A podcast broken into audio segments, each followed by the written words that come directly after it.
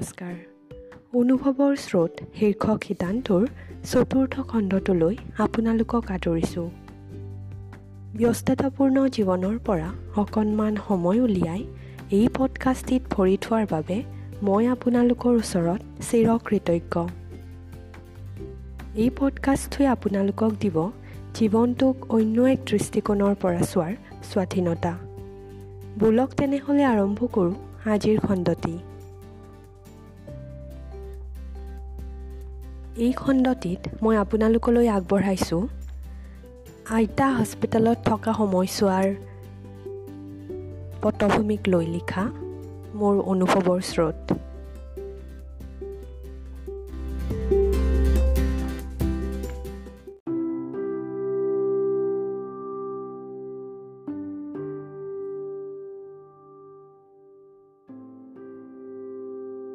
তৃষ্ণাৰ পৰাক্ৰমাত ভাল পোৱালৈ।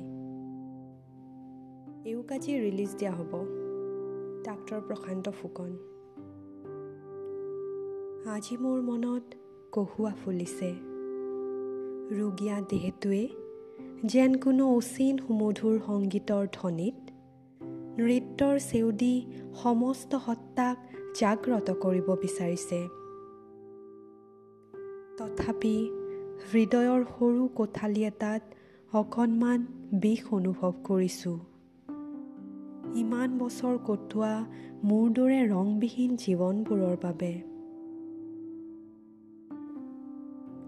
কিন্তু আজি যেন মই স্বাৰ্থপৰ হৈ পৰিছোঁ। জীৱনৰ সুদীৰ্ঘ সময় অতিবাহিত কৰা মোৰ আপোন ঘৰখনি ঈশ্বৰৰ আশীষ লোৱা মোৰ থাপনাখন পদূলিত নিমজোপাৰ উপস্থিতি? যতনেৰে সজোৱা মোৰ বাগিচাৰ লাই শাক পদিনাৰ চিৰসেউজ বৰণ? ইচুকত শব্দবিহীন তাঁতশালখন?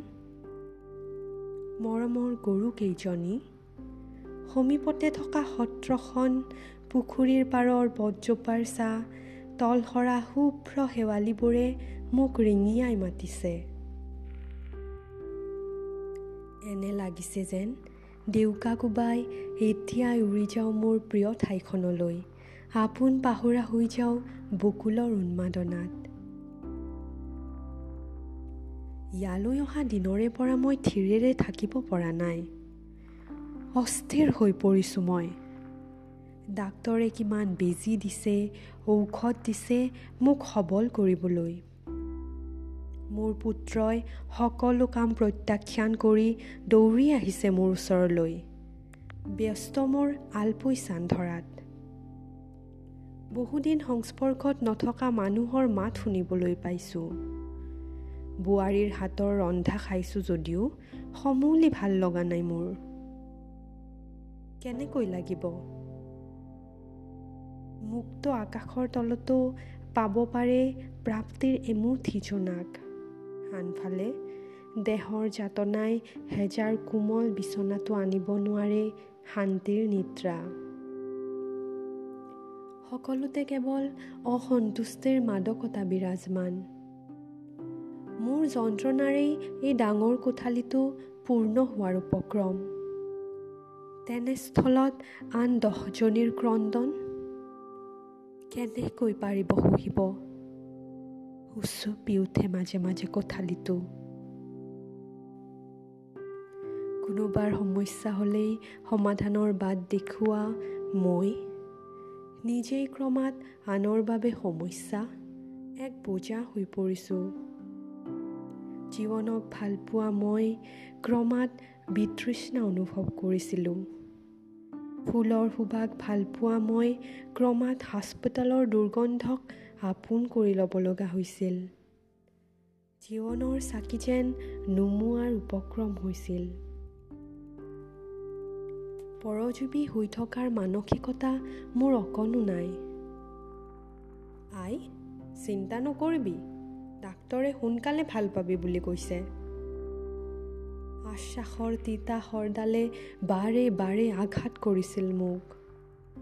মুক্ত আকাশৰ তলত চৰাইজনী হৈ মই কিমান দিন উৰিব পৰা নাই।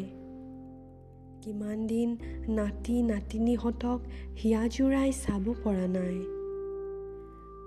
পৰীৰ দেশৰ সাধু কোৱাত কিমান দিনৰ পৰা ব্যৰ্থ হৈ আছোঁ। বাৰীৰ শাক তুলি কিমান দিন জুতি লগা এসাঁজ খুৱাব পৰা নাই মই। গোসাঁইৰ ওচৰত কিমান দিন মূৰ ধোৱাই প্ৰণিপাত কৰিব পৰা নাই মই। ঘৰৰ মংগলৰ অৰ্থে। ভাবিলে মূৰটো ঘূৰাই যায়। কিন্তু এতিয়া মই মুক্তিৰ পথত। ডাক্তৰৰ এষাৰ কথাই মোৰ ৰুগ্ন জীৱনত এমুঠি উজ্জ্বল ৰং ছটিয়াই গ'ল। আৰু সেয়েহে আজি অসহ্য বেদনায়ো মোক অজ্ঞাত কৰিব পৰা নাই। জীৱনৰ বিয়লিবেলা বিতৃষ্ণাৰ পৰা ক্ৰমাৎ ভাল পোৱালৈ জীৱনটোক ঠেলি নিব বিচাৰিছোঁ। মই কেৱল অতীত পাৰ কৰা সেই চেনেহৰ গাঁৱৰ বোকা পানী গছকাৰ প্ৰতীক্ষাত